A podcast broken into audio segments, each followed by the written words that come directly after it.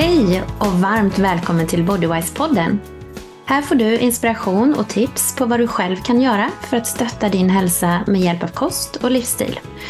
Jag som gör den här podden heter Ulrika Elofsson och driver företaget Bodywise. Jag jobbar som funktionsmedicinsk hälsocoach och personlig tränare och jag vill hjälpa dig med helheten när det gäller din hälsa. I det här avsnittet pratar jag med Lena Lociale från Botany for All om botanisk hudvård. Vi pratar om hur du kan stötta din hud på bästa sätt, hur du genom att välja rätt hudvård även stöttar miljön och du får lära dig skillnaden mellan ekologisk och botanisk hudvård. Om du är sugen på att testa botanisk hudvård ger Lena också konkreta tips på en bra morgon och kvällsrutin med rekommendationer kring produkter som kan vara bra att börja med.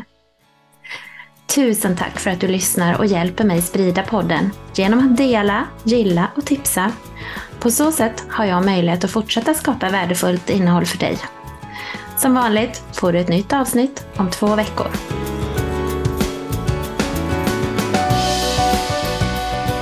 Hej och varmt välkommen till Bodywise-podden Lena. Tack.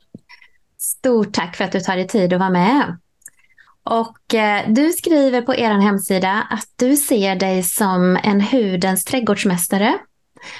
Du vill lära ut om hud, hudvårdsrutiner och makeup som stöttar, stärker och bygger upp huden, skriver du där.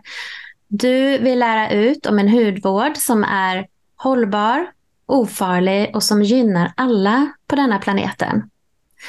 Och det här tycker jag är så fint. Vilken fantastisk vision. Och det krävs ju verkligen att vi alla drar vårt strå till stacken för att ta hand om eh, den här underbara planeten. Mm. Och eh, även när det gäller hudvård då. Men eh, jag tänkte att eh, om du har lust att börja med att berätta lite om dig själv så att vi får lära känna dig lite bättre. Ja, jättegärna. Och tack för att jag får vara med, ska jag säga. Så kul. Jo, men eh, jag eh, kan ta en kort eh, summering av eh, i princip ett helt liv och idag är jag 64 som har varit infuserat av botanik via mina föräldrar. Men då inte i, i form av skönhet utan av ja, botanik som att man lär sig om växter och, och träd och sådär. Och sen när jag blev äldre så eh, tyckte jag att det här med botanik var väldigt roligt men jag ville också försöka förstå den här örtmedicinska delen av det hela. Alltså hur kan man leva med örter och med växter och stärka upp kroppen och kanske jobba med fysiska sjukdomar och så vidare. Så då, i 30-årsåldern, så gick jag en örtkurs och så gick jag fler örtkurser. Och sen fyllde jag på med aromaterapi och lärde mig mer om eteriska oljor som är en del av själva växten. Och utifrån det så förstod jag att ja, men det här är ju jättestort och väldigt, väldigt spännande. Och då ville jag lära mig mer om hud.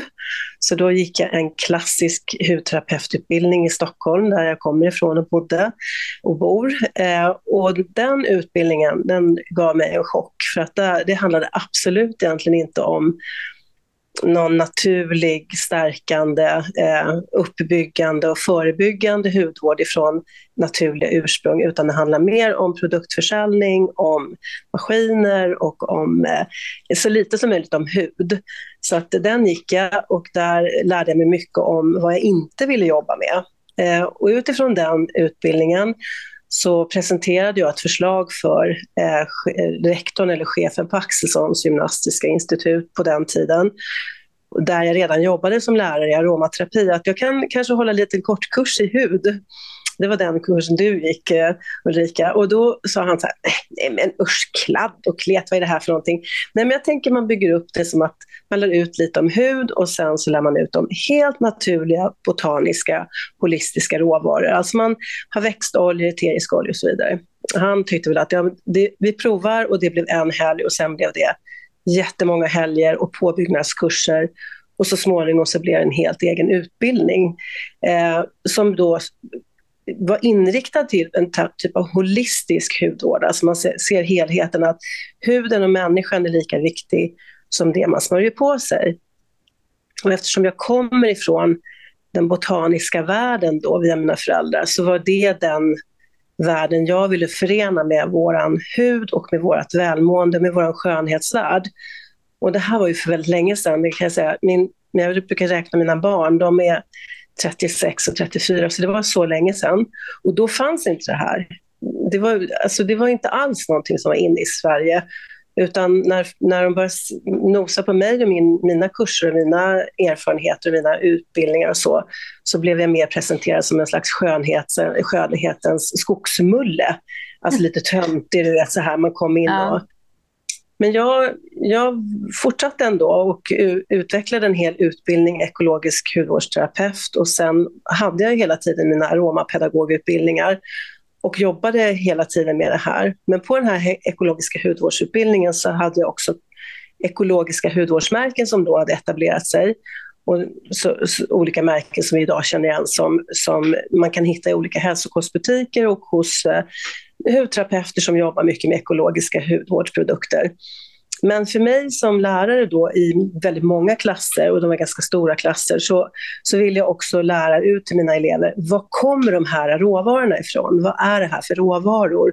Vad är det de har blandat ihop i burken? Även om det kallas för ekologiskt så består den av olika saker. Och där eh, så förde jag in elementet botanisk hudvård, alltså att mina elever fick också lära sig eh, om eh, till exempel aprikoskärnoljan eller den eteriska oljan lavendel och så vidare, olika råvaror. Var de kommer ifrån och vad de är bra till och varför man eventuellt stoppar ner dem i en burk som är blandad med andra saker. Och då, då kan man säga att den typen av hudvård som jag jobbar med och som jag idag driver ett företag, och det har jag gjort länge, som heter Botanifrol, det är botaniska råvaror som i sig självt enskilt är en hudvårdsprodukt, men som du också kan blanda ihop till salvor, krämer, eh, fuktsprayer och så vidare. Men allt är egentligen sig självt innan du blandar ihop det. Så att du kan välja själv vad du vill göra för produkt eller om du vill prova den enskilda botaniska råvaran.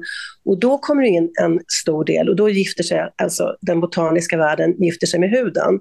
Så att för mig var det väldigt viktigt då att förstå hud holistiskt, alltså att du har en hud som representerar hela dig.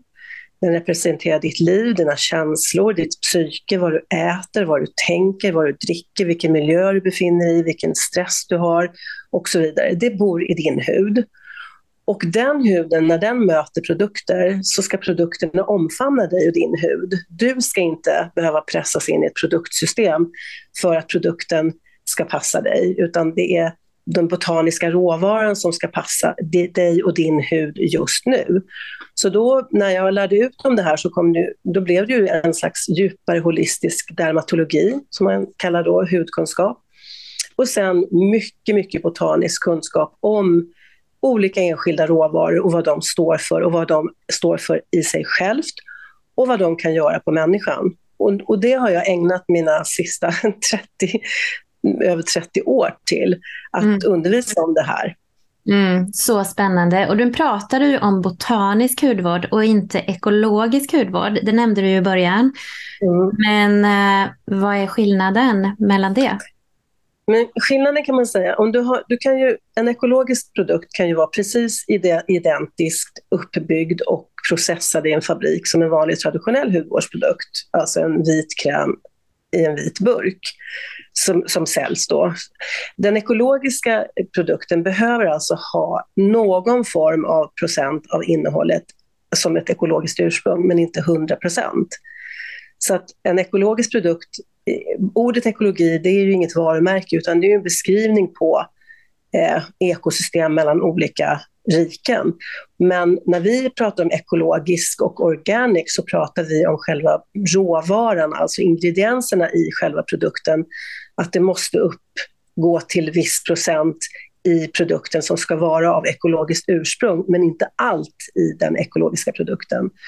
Och om du har en ekologisk produkt, som till exempel en lotion, så är en lotion en produkt som skapas av råvaror, eh, oavsett om de är syntetiska eller om de är botaniska, så skapas de i en fabrik i, i maskiner för att blanda ihop de här råvaru baserna för att till slut bli då den här vita krämiga lotion som finns i flaskan. Och då menar jag att där har en ekologisk produkt. Den är oftast tillverkad i fabrik den innehåller till viss del ekologiskt ursprung men inte till 100 procent, behöver den inte för att klassas som ekologiskt.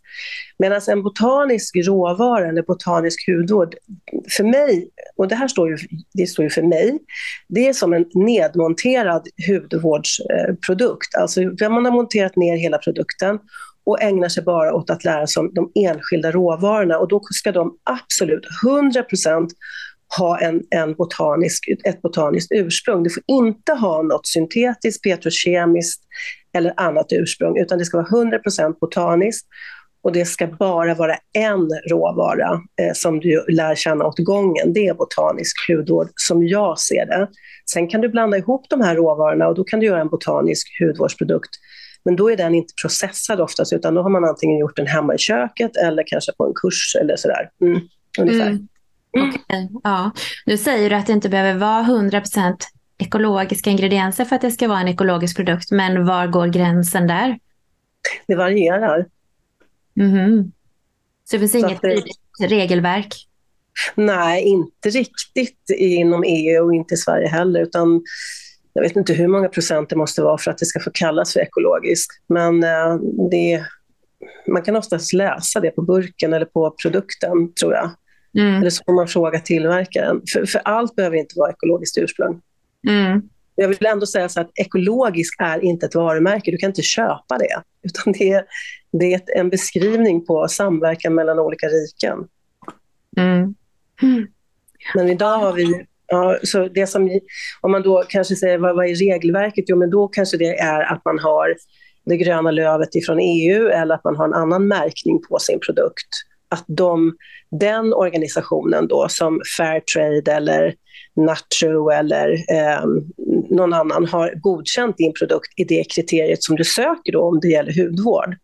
Och då är det en privat organisation som har sina egna regler och lagar och krav och då kostar det en massa pengar att få sin produkt godkänd utifrån deras kriterier, inte dina utan deras. Och då får man ta reda på vad kräver de för att jag ska få kalla min produkt för eh, ekologisk eller organic. Och få den här märkningen helt enkelt. Mm. Mm. Så som konsument får man vara väldigt insatt och man får vara om sig och kring sig för att ta reda på vad vill jag ha för produkt och så får man mm. leta upp den produkten.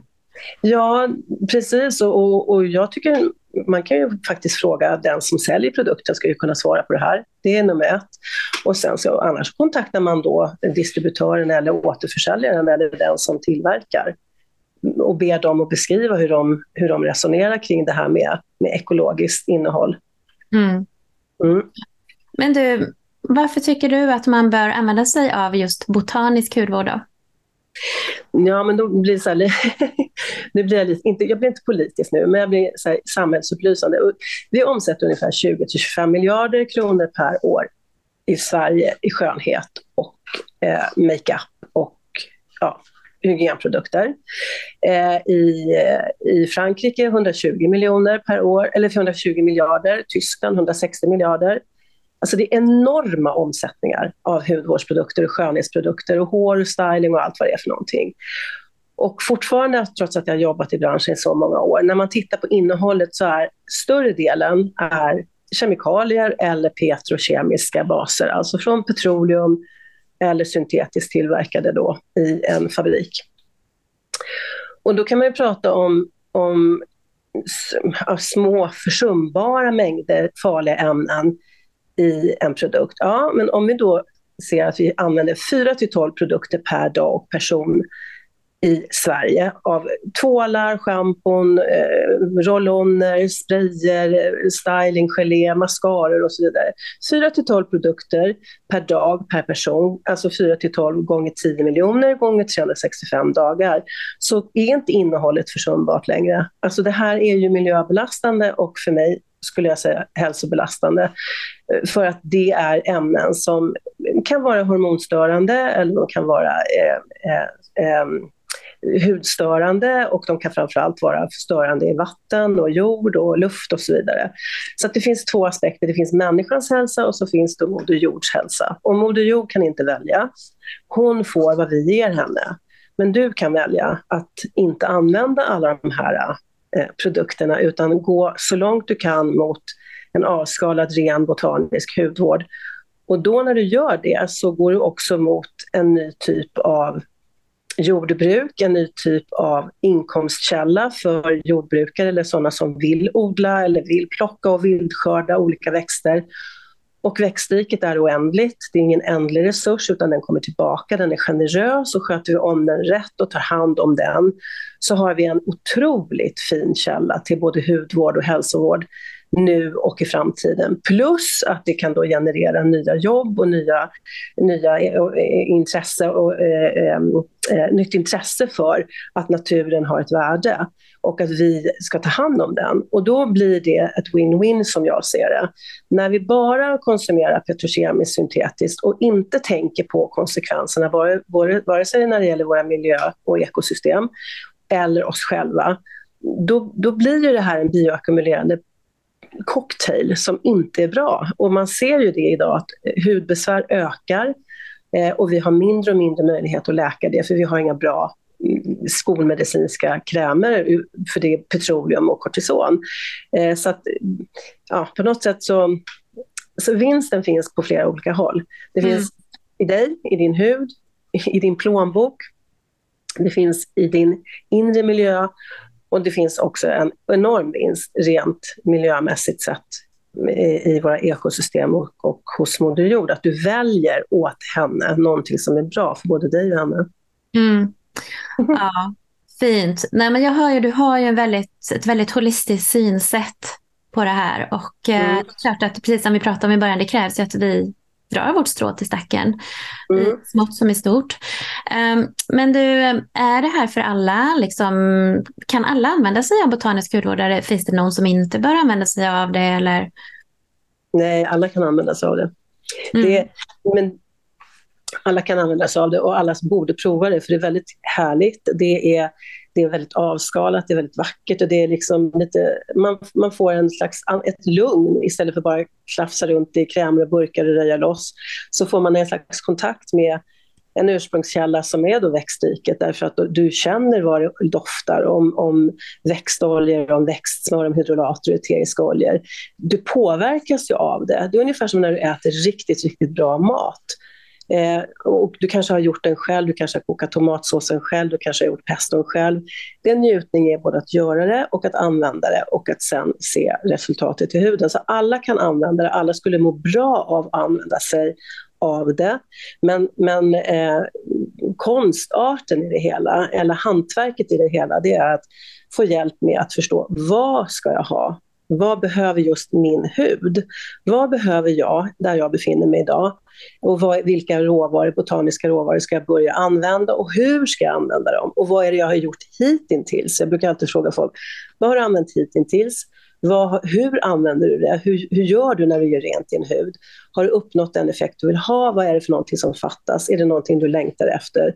Och eh, eh, eh är det någonting du absolut inte tål? Så det är ju egentligen en, en ett hantverksyrke att förstå människan, människans hud och det man ska använda och hur man ska använda det. Mm. Och det här måste jag säga, det tycker jag själv var lite krångligt. Jag skulle handla från dig för nu är det några år sedan. Men då skrev jag till dig. Liksom. Mm. Och då fick jag ju svar av dig också. Så då köpte mm. jag ju lite olika... Eh, för dels det, vad man ska ha för produkter, liksom vad passar mig. Men sen måste jag säga att någonting som jag tyckte var väldigt svårt också i början, det var ju alla de här begreppen som du har pratat lite om nu. Hydrolater och växtsmör och oljor och eteriska oljor och växtoljor. Och... Så jag tänkte faktiskt att du ska få hjälpa till och bena ut lite kring det här. Eh, du kan väl börja berätta lite basic om de olika produkterna då som man kan använda, oljor till exempel. Mm men jättegärna. Um, vi, har en, vi, kan, vi kan säga så här, det finns, när, i, i en växt, i ett träd, i en buske, i en blomma, så finns det en, en liten del som innehåller fett och det är fröet. Kärnan, mandeln, det kan vara frukten, och så, som avokado till exempel. Och just den delen av växten som innehåller fett, den kan man då kallpressa eller extrahera fettet ur. Och då kan fettet vara antingen ett fett, och fett betyder att det är eh, hårt eller stabilt i rumstemperatur. Och om det kallas för olja så är det flytande i rumstemperatur. Och då kan man säga att rumstemperatur är någonstans 18-20 grader. Så. Och det fettet och den oljan som kommer ut därifrån den här eh, råvaran, då, fröet eller mannen, det, då kan man mäta det fettet. Alltså man kan göra en gaskromatografisk analys av det och se hur mycket mättat, enkelomättat och fleromättat, omega-3, 6, 5, 7, 9 det finns, vad det finns för typer av växteroler i det, vad det, vad det innehåller helt enkelt. Och när man läser det och förstår det, då kan man förstå att det här är kanske en ganska så lätt olja, den är inte så kladdig och fet. Det här är en tung olja, så den blir mer skyddande och, och, och, och fetare på huden.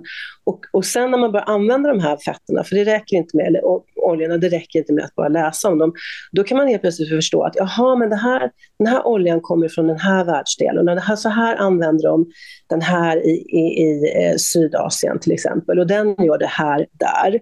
Och så förstår man att den växtoljan är jättepopulär där och då tar man reda på vad är det för typ av hudtyp här där, vad är det för typ av fukt och värme, torrhet, kyla och så vidare. Så lär jag, eller jag har lärt mig om växtoljan själv, vad den är bra för i, i sina ursprungliga länder eller områden och sen har jag försökt använda den här på tusentals hudar och se vad gör den här växtoljan på torr eh, hud i Skandinavien och vad kan jag förvänta mig av den här växtoljan? Så det är, och då, då är det ju så att man, man kan säga att eh, genom empiri, alltså genom praktisk kunskap om växtoljor och växtsmör, så har jag lärt mig att många växtoljor och växtsmör som kommer från hela världen är fantastiska men kanske inte fungerar exakt likadant här som de fungerar där de kommer ifrån.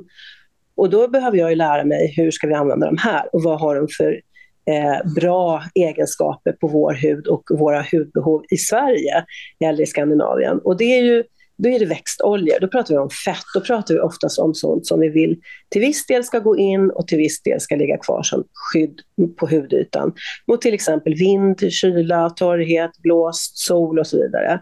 Mm. Och då är det kan man säga konsistensgivande, alltså de gör ju att det känns oljigt eller krämigt eller ja, så. Just så det är ju fett. Mm. För inom botanisk hudvård så använder man ju inte krämer på det sättet som vi är vana vid, utan det är ju oljor och hydrolat och så som man jobbar med. Alltså, botanisk hudvård som jag, som jag, som jag, när jag pratar om botanisk hudvård, då pratar jag om botanisk hudvård i form av råvaror. Mm. Och där, det finns ingen kräm i en tall. Du kan inte gå ut och, och pumpa en buske på lotion, det finns inte.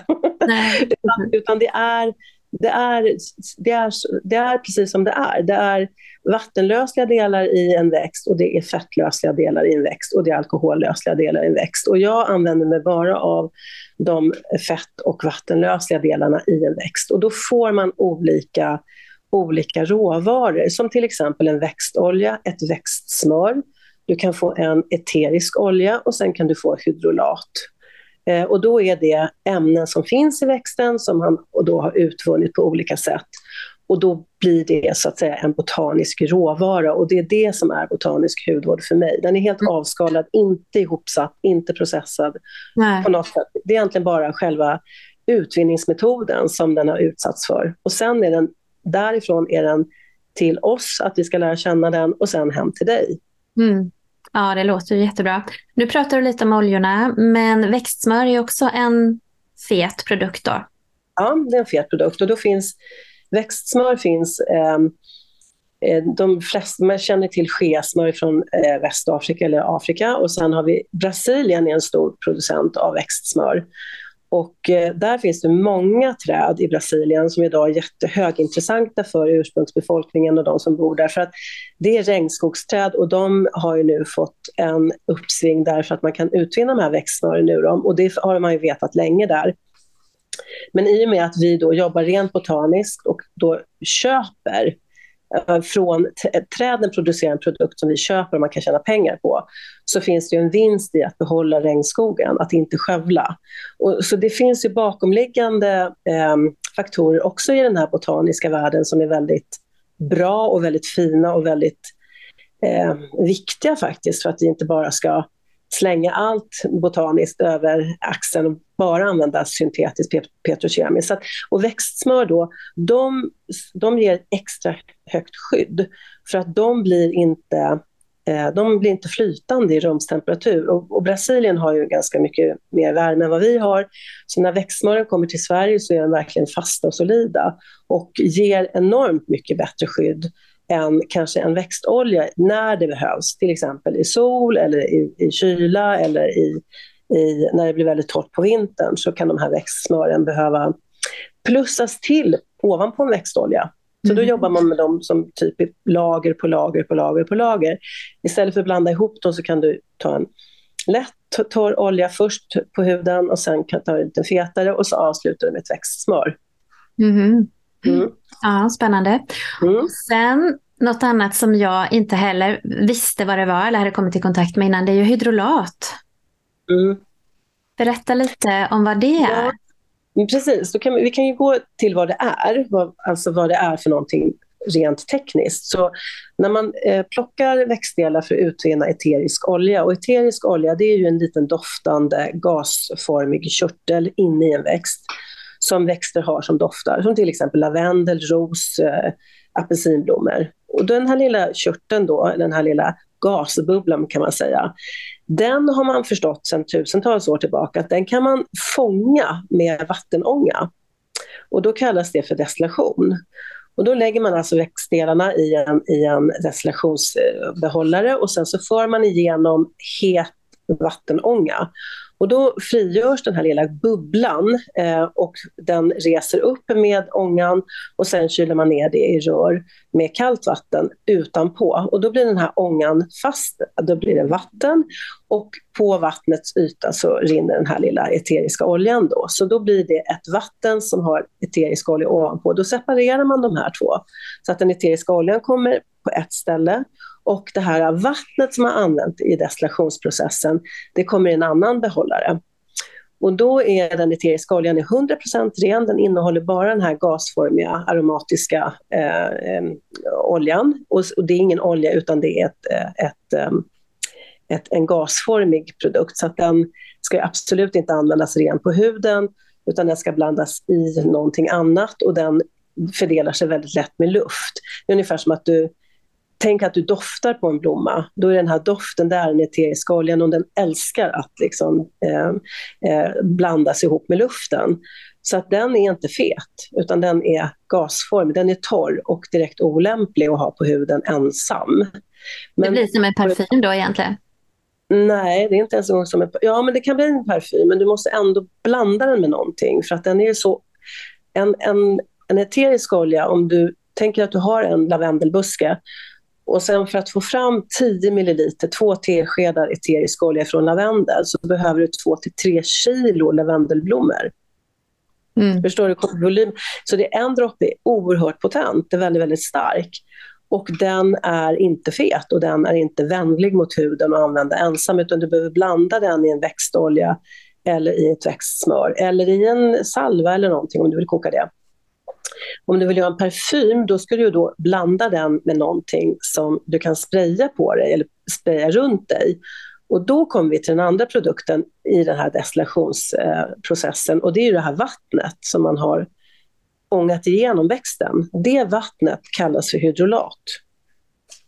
Mm. Så då är det ett blomstervatten kan man säga, Just. som innehåller mikroskopiska mängder eh, eterisk olja, typ 00 0,001 eller 0,001 till 6. Så då är den väldigt hudvänlig. Och det här vattnet innehåller mycket, mycket lättlösliga ämnen ifrån en växt. Så det är absolut inte som ett örtte som inte, som inte alls kan påminna om det här. Eh, för de innehåller inte samma saker. Utan hydrolaten innehåller egentligen bara en, som en mjuk, mjuk, mjuk kopia av, av den eteriska oljan. Så då blir hydrolaten en typ av kropps och ansiktsvatten. Eller en bas till att göra parfymer eller en bas till att göra produkter. Du kan blanda eh, lite växtolja med, med en hydrolat, skaka om i en flaska och spraya på handen och ha ett fuktspray. Och du kan göra eh, krämer med hydrolater, du kan göra allt möjligt med hydrolater. Och hydrolater är oerhört säkra. De är, eh, de är eh, hudvänliga, pH-vänliga och de är eh, eh, har precis samma egenskaper som den eteriska oljan fast mycket, mycket, mycket, mycket mildare. Mm. Okej, okay, så nu för en bra hudvårdsrutin då så har vi pratat om oljor, växtsmör, mm. hydrolater. Mm. Är det något mm. annat sådär som du tycker ska ingå i en, eh, eller ja. som ha i sitt lilla, vad ska man säga, uh, inte apotek blir det ju inte, men uh, sin lilla uppsättning? Ja, sin lilla hudvårdsuppsättning. Ja. Men uh, leror tycker jag är bra. Mm. Jag, jag gillar den här eh, fransk, eh, och, eh, fransk gul och grön lera. Den gröna är lite mer detoxande, den är lite mer för att man ska rensa och röja upp i huden om man har problem med lite oblandad hy eller finnar och sådär. Eller behöver en kick helt enkelt. Och den gula är för den här känsliga, lite lätt irriterade och torra huden. Så att de två är fantastiska och de två är superhärliga att blanda med hydrolat med växtoljor och, och sen kan man blanda i eh, en, en, eh, en, ett eh, gelébas som heter xantangum som är då majsstärkelse. Och blandar man i lite såna mm, xantangum i en um, hydrolat så blir det som ett gelé. Och då kan du göra en fuktlermask av det. Så att mm hydrolat, lite xantangum, vispa ihop så blir det lite gelébas. Ha i lite lera, lite växtolja, kanske någon droppe eterisk olja och då har du en jättehärlig ansiktsmask. Mm. Ja, vad härligt. Mm. Så ja. det är mer liksom terapeutiskt eller kanske lite mer peeling och lite sådana här saker som man använder lera? Ja. Så, ja, du kan använda gul och grön lera till masker. Och sen om du vill ha peeling eller en lite mer tvättlera så använder du rasol och det är en marockansk lera. Och då är det en två, tvättlera. Alltså när du fuktar upp den i handen så blir det så här krämig tvålkänsla av den. Men om du då vill ha peeling så kan du istället för att fukta upp den med vatten ha torra händer, hälla på lite Rasul och sen häller du på någon, någon skön växtolja och blandar ihop. Så blir det en superfin mjuk peeling som du kan använda på halsen och ansiktet och dekolletaget. Och pila mjukt och försiktigt. Och sen fuktar du upp den här äh, olje leran och då blir det som en tvål. Mm. Härligt. Ja, det är jättehärligt. Så om man vill eh, komma igång nu med botanisk hudvård då, då tycker du att man ska ha någon eller några leror, hydrolat och växtoljor.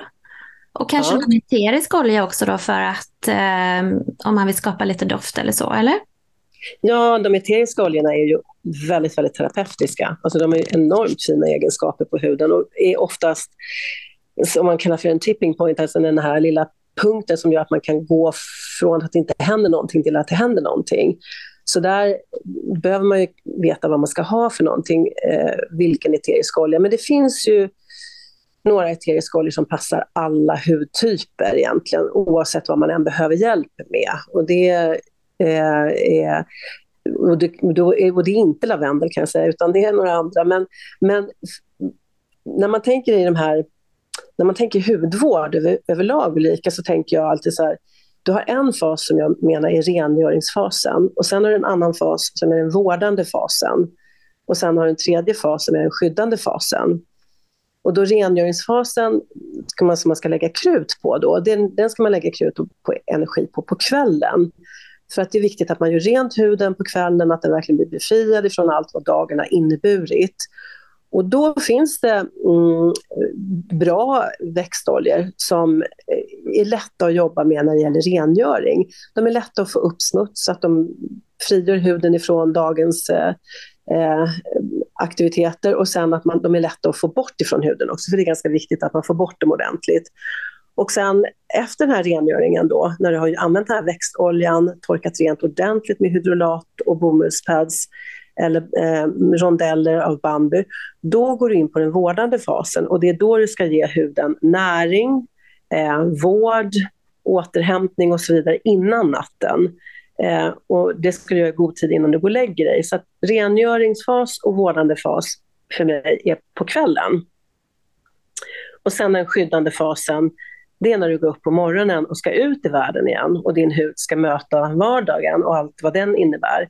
Då ska huden inte ha så mycket vård, den ska ha väldigt mycket skydd.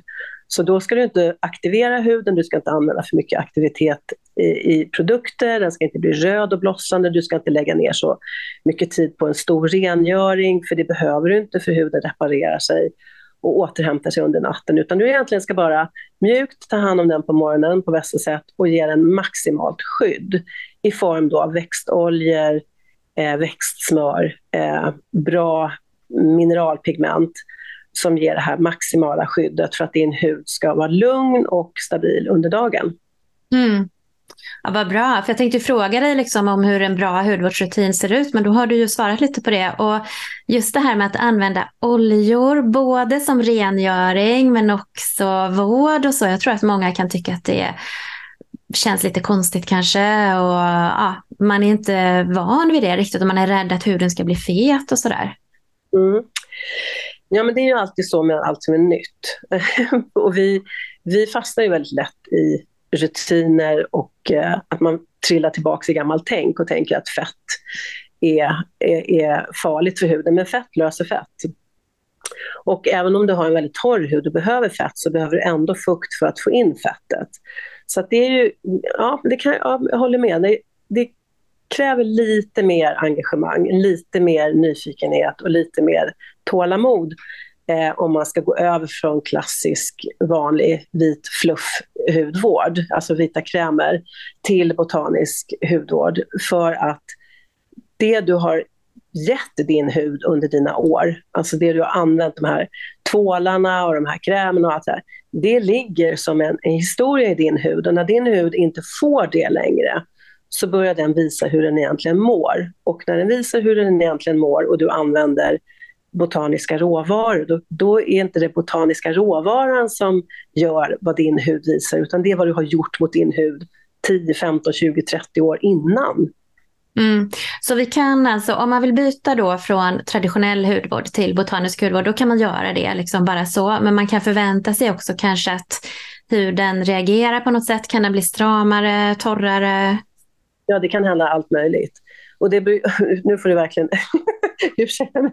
det beror på vad, vad, vi, vad är det för skit du har använt innan. Så, har, du, har du varit liksom inne i Nivea och L'Oreal-träsket, då, ja, då kan det bli en liten resa. Det kan bli lite bumpy road, men det, jag menar, jag hjälper gärna till. Man får ju gärna mejla mig. Och jag, jag försöker utveckla alla möjliga olika sätt att, att förmedla min kunskap och att det, det tar lite tid. Det kanske tar några månader, det kanske till och med tar ett halvår. Men du gör en bra sak om du verkligen byter för att eh, du gör en bra sak för dig och du gör en bra sak för Moder Jord. Och, och det här är, på sikt är det här mycket, mycket drygt. Ekonomiskt är det, alltså det går inte att beskriva vilken skillnad det är från de här olika färdiga produkterna som kostar jag vet inte hur mycket och innehåller absolut ingenting av värde egentligen för din inre och yttre miljö och, och, och jordens miljö. Så att det, ja, jag, jag, jag tycker det, det där, man får vara ärlig. Det är en annan värld. Men mm. den är väldigt skön och den är väldigt härlig och den är väldigt rolig. Och du lär väldigt mycket om dig själv. Och också om ditt tålamod och om din kunskap om dig själv och din hud och hur du mår, vad du känner och så vidare. Och dina krav på hur du ska se ut och bla bla bla, allt sånt där. Mm. Så vi, ja, det, det är personlig utveckling kan jag säga, eller personlig inveckling som man får. Och, och, det tycker jag att vi ska ha. Jag tror att vi behöver det. Vi behöver stanna upp och vara en liten stund och bara lära känna de här ämnena, från de här fantastiska råvarorna från, från växtriket. Och du, du kommer må bra av det.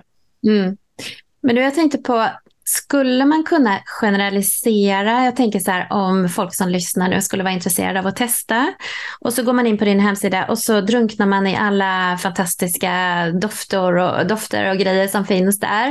Eh, kan man för nu har du pratat om rutinen som ju är rengöring och vård på kvällen och sen mm. skyddande på morgonen då.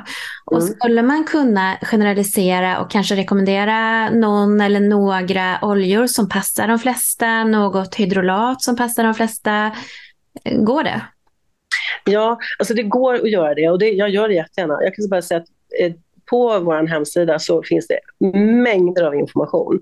Och det finns också såna här små miniguider. Alltså de här, oljorna, de här växtoljorna är bra till rengöring, de här är bra till torr hud, de här är bra till blandhud, de här är bra till åldrad hud och så vidare. Så vi, det finns hur mycket information som helst där.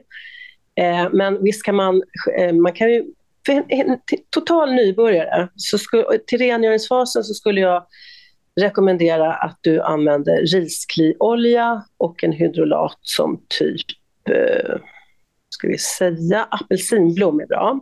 Och apelsinblom eller du kan också ta eh, lagerblad, de två hydrolaterna.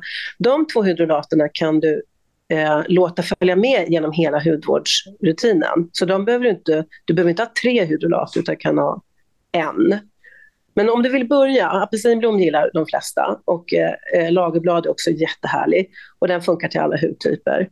Så då, och vill du då ha peeling och någon liten tvålkänsla, då är det Rasol. Så då är det riskliolja, apelsinblom eller lagerbladshydrolat och Rasol. Då är det rengöringen. Och sen efter det så ska du ha vård och då eh, finns det två stycken växtoljor som jag brukar, alltså, eller tre kan jag säga, som jag brukar rekommendera att man börjar med där man inte riktigt vet var ens hud befinner sig. Ett, avokadooljan som är som en fuktkräm. Man använder väldigt lite. Eh, två, kamelia och det är tefröbuskens frön, alltså tebuskens frön. Och sen har vi en tredje som heter Meadow Foam. Och de tre är lätta. Eh, avokado är grön och har en ganska kraftig doft. Så vill man inte ha det så skippar man den. Då tar man kamelia eller Meadow Foam. De, de ger ett jättebra, jättebra vård. De är inte tunga, de är inte kladdiga. De går lätt in på huden och passar alla hudtyper. Och du skulle kunna stretcha de två oljorna och avokadon också till att använda dem på morgonen. Så egentligen så behöver du inte så många produkter. Mm. Så då ska man säga så här att Eh, rengöringsfasen, riskli, eh, apelsinblom, lagerblad eh, och eh, eh rasol. Vård, kamelia, meadowfoam, avokado. Skydd på morgonen än så länge med kamelia, meadowfoam, avokado och sen kan du fukta upp huden med, med lite hydrolat som du redan har köpt. Då, då. Så då är det kanske fem, max fem produkter. Behöver du lite mer skydd på morgonen för att du känner att nej det här räcker inte nu för att nu börjar det lite kallare och så. Då kan du antingen köpa eller ta ett avokadosmör eller så tar du en tyngre olja. Men om man, om man då generaliserar, eller om man bara drar ihop det här så är det en hydrolat, en, en rengöringsolja, en lera, rasol eh, eh, och en, eh, ett textsmör. Mm. Och hur använder man det då? Vi börjar med kvällen då, rengöring. Ja, då, eh, då fukta upp huden och sen så stryk på växtoljan lite grann riskli då på ansiktet. Så sprayar man hydrolatet i ansiktet då? Eller? Nej, man fuktar upp med vatten. Aha, okej. Okay. Fukta upp med vatten, inte varmt vatten utan ljummet, då, ljummet till svalt. Fukta mm. upp med vatten eh, och sen så tar du lite riskliolja och stryker upp över huden stryker ut över huden, inte masserar in utan stryker ut. Och även ögonen och ögonmakeupen och hela, hela paketet. Och sen fuktar du fingrarna eller händerna igen och sen arbetar du i djupa cirklande rörelser nerifrån och upp, uppifrån och ner över huden så att du jobbar upp oljan. Ta mer fett eller ta mer fukt, ta mer vatten om du känner att oljan håller på att gå in. För den ska inte gå in utan den ska arbetas upp. Mm. Och sen får du ta, um, det finns uh, såna här olika tygrondeller, alltså bamburondeller, det finns att köpa på nätet och lite här och där. Eller om du använder bomull, så fuktar du två rondeller, eller en, med lite vatten. Där sprayar du på sen då hydrolat. Och sen torkar du av den här oljan från ansiktet ordentligt. Och det gör du tills du har fått bort all olja. Och då kan det krävas några varv. Mm. Och sen efter det så, eh, oj, nu ska man, så efter det så, eh, eh, så tar du lite hydrolat på huden igen och sen så eh, eh, tar du några droppar av din ansiktsolja som avokado, kamelia, meadowfoam och mjukt masserar slash trycker in oljan i huden så att du inte arbetar upp huden för mycket. Mm. Så då är det rengöring, vatten, uppväxt risklig olja, massera upp, torka av med blöta rondeller med hydrolat, torka av tills du känner att huden verkligen inte är fet. Och sen så eh, tar du lite hydrolat igen och sen arbetar du in några droppar av växtoljan. Och där kan du ju fylla på då vartefter. Mm. Och när du säger att man tar lite hydrolat, då tar man det på bomullsrondeller och baddar i ansiktet? Då? Nej, nej, precis. Det är bra. du tar lite hydrolat i antingen att du sprayar på ansiktet och Aha. att du liksom trycker in den, eller Aha. att du sprayar i handflatorna och trycker in den. Du behöver alltså trycka in fukten, för annars så dunstar den. Det är många som inte förstår det med, när det gäller hur fukt, alltså det ska tryckas in.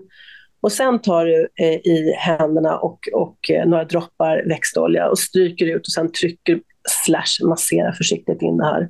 Mm. Och man kan ta nära ögonen och så, det är ingen fara? Ja, absolut, ingen fara. Men inte för mycket olja runt ögonen, för då kan det bli lite tungt. Men just de här oljorna som, som jag har nämnt nu, de är väldigt lätta. Så du kan arbeta in dem nära och runt ögonen. Mm.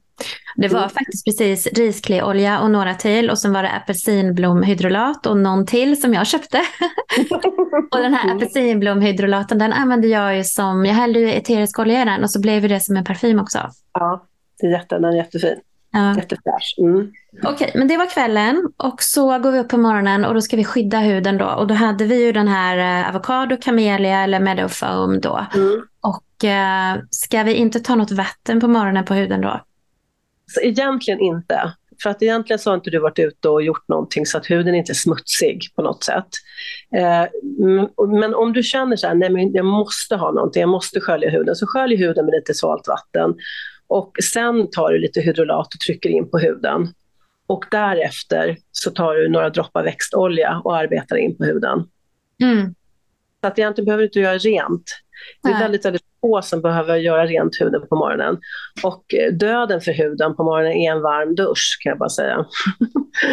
Då tar du bort hela ytskyddet och, eh, och huden blir torr och stram och får jobba för att reparera sig. Mm. Mm. Men du, då lägger man en olja på ansiktet på morgonen och så tänker folk, ja men jag vill ju ha makeup på här nu. Mm. Blir det inte det jobbigt med en olja under då, kanske folk tänker? Mm, nej, och så, då känner de så här, nej men det blir för oljigt. Då kan du droppa ol några oljedroppar i handflatan och sen sprayar du på lite hydrolat och så masserar du ihop det. Då blir det som en liten fuktlotion eller fuktkänsla. Då kan du använda den istället för bara oljan. Och sen nu är det så att om du ska lägga på en olja på morgonen så måste du också låta den sjunka in. Så du kan inte lägga på oljan och sen ska du gå till bussen tio minuter senare. Utan det här är kanske det första du gör när du går upp på morgonen. Innan du väcker familj och, och så. Mm. Men sen kan man lägga på en makeup, absolut. Det är inga mm. problem alls. Och där har ju ni också såna här mineralpuder och sånt där. Ja, precis. Då kan man välja mellan att antingen borsta in mineralpudret som i sig är vårdande, släcker inflammationer och skyddar mot UV. Eh, eller så kan man blanda mineralpigmentet antingen med en växtolja eller ett växtsmör. Och då har man liksom typen som en foundationbas. Mm. Mm. Ja, men det låter ju inte så krångligt nu när vi har liksom strukturerat upp det på det här sättet. Nej, det är verkligen inte krångligt. Absolut inte. Det är, och det är kul för att du kan ju ändra dig. Du behöver inte ha samma, du behöver inte liksom göra slut på burken. Vill du ha någon annan växtolja så kan du bara ställa den förra i kylskåpet och sen håller den hur länge som helst. Mm. Och nu sa ju du det, ställa dem i kylskåpet. Behöver de stå i kylskåpet eller kan man ha dem i badrummet? Du kan ha dem i badrummet. Och vi har ju väldigt speciella flaskor. De är ultravioletta och de i sig konserverar produkten där inne extremt bra. Så att vi har ju valt en ganska dyr eh, förpackningsserie för att vi använder rena botaniska råvaror som inte innehåller några konserveringsämnen överhuvudtaget. De är bara sig själva. Och då vi har maximal eh, ehm, effekt av vår produktförpackning. Eh, så både våra pumpar, och våra sprayer och våra flaskor är superbra för att hålla produkten fräsch länge. Mm. Ja. Och finns det någon hållbarhet? Jag tänker, du vet, man köper Nivea eller så, så står det ju sex månader efter man har öppnat burken och så. Ja, men det måste man göra i lag. Så vi har ju den här lilla burken och det står 12 månader då. Mm. Precis, och det måste man ha. Så att det, inte, det handlar inte om att jag kan säga så här, ja, men om du köper en flaska olja av oss och du, du, låter den stå där, kan du låta den stå där i 150 år, den ska ändå vara fräsch efteråt. Ja, okay. Men sen är det också det här att vi har ju inte så stora förpackningar och det är också en, en bra sak att tänka på att att den håller sig fräsch, energirik och väldigt terapeutisk om du har små förpackningar. och eh, om, och att du liksom byter ut. Och om du då vill ha refill och har en större förpackning, men då sparar du din lilla flaskan eller lilla burken och så köper du en större och så fyller du på. Du, då kan du låta den större stå svalt och mörkt, men du behöver inte ha dem i kylskåp. Mm. Okej. Okay. Mm. Ja, vi ska börja avrunda här snart, men vad tycker du är de tre viktigaste tipsen att man eh, implementerar för att få en frisk och fin och sån här glowing hud som man vill ha? Mm. ja, men det, för mig är så, eh, nummer ett, det är att fuska aldrig med din rengöring. Aldrig. Liksom, gör inte det, utan ta hand om din hud på kvällen och lägg ner lite tid på det. Och ha inte bråttom. Oavsett om man kanske har haft makeup eller inte, för du menar Nej, över, överlag så behöver du du behöver liksom ta hand om ditt ansikte, din, din, din eh, så att säga, eh, Facebook mot världen, det som du visar mot världen. Du behöver ta hand om det med varma, kärleksfulla händer. Och du behöver rengöra din hud och du behöver verkligen se till att, att, att du lär känna nyanserna och, och, och vad som händer i din hud, för det speglar hela dig. Så rengöringen är jätte, jätteviktig och, och speciellt om du har hudproblem så är det väldigt viktigt att du gör rent huden på rätt sätt för just din hudtyp på kvällen.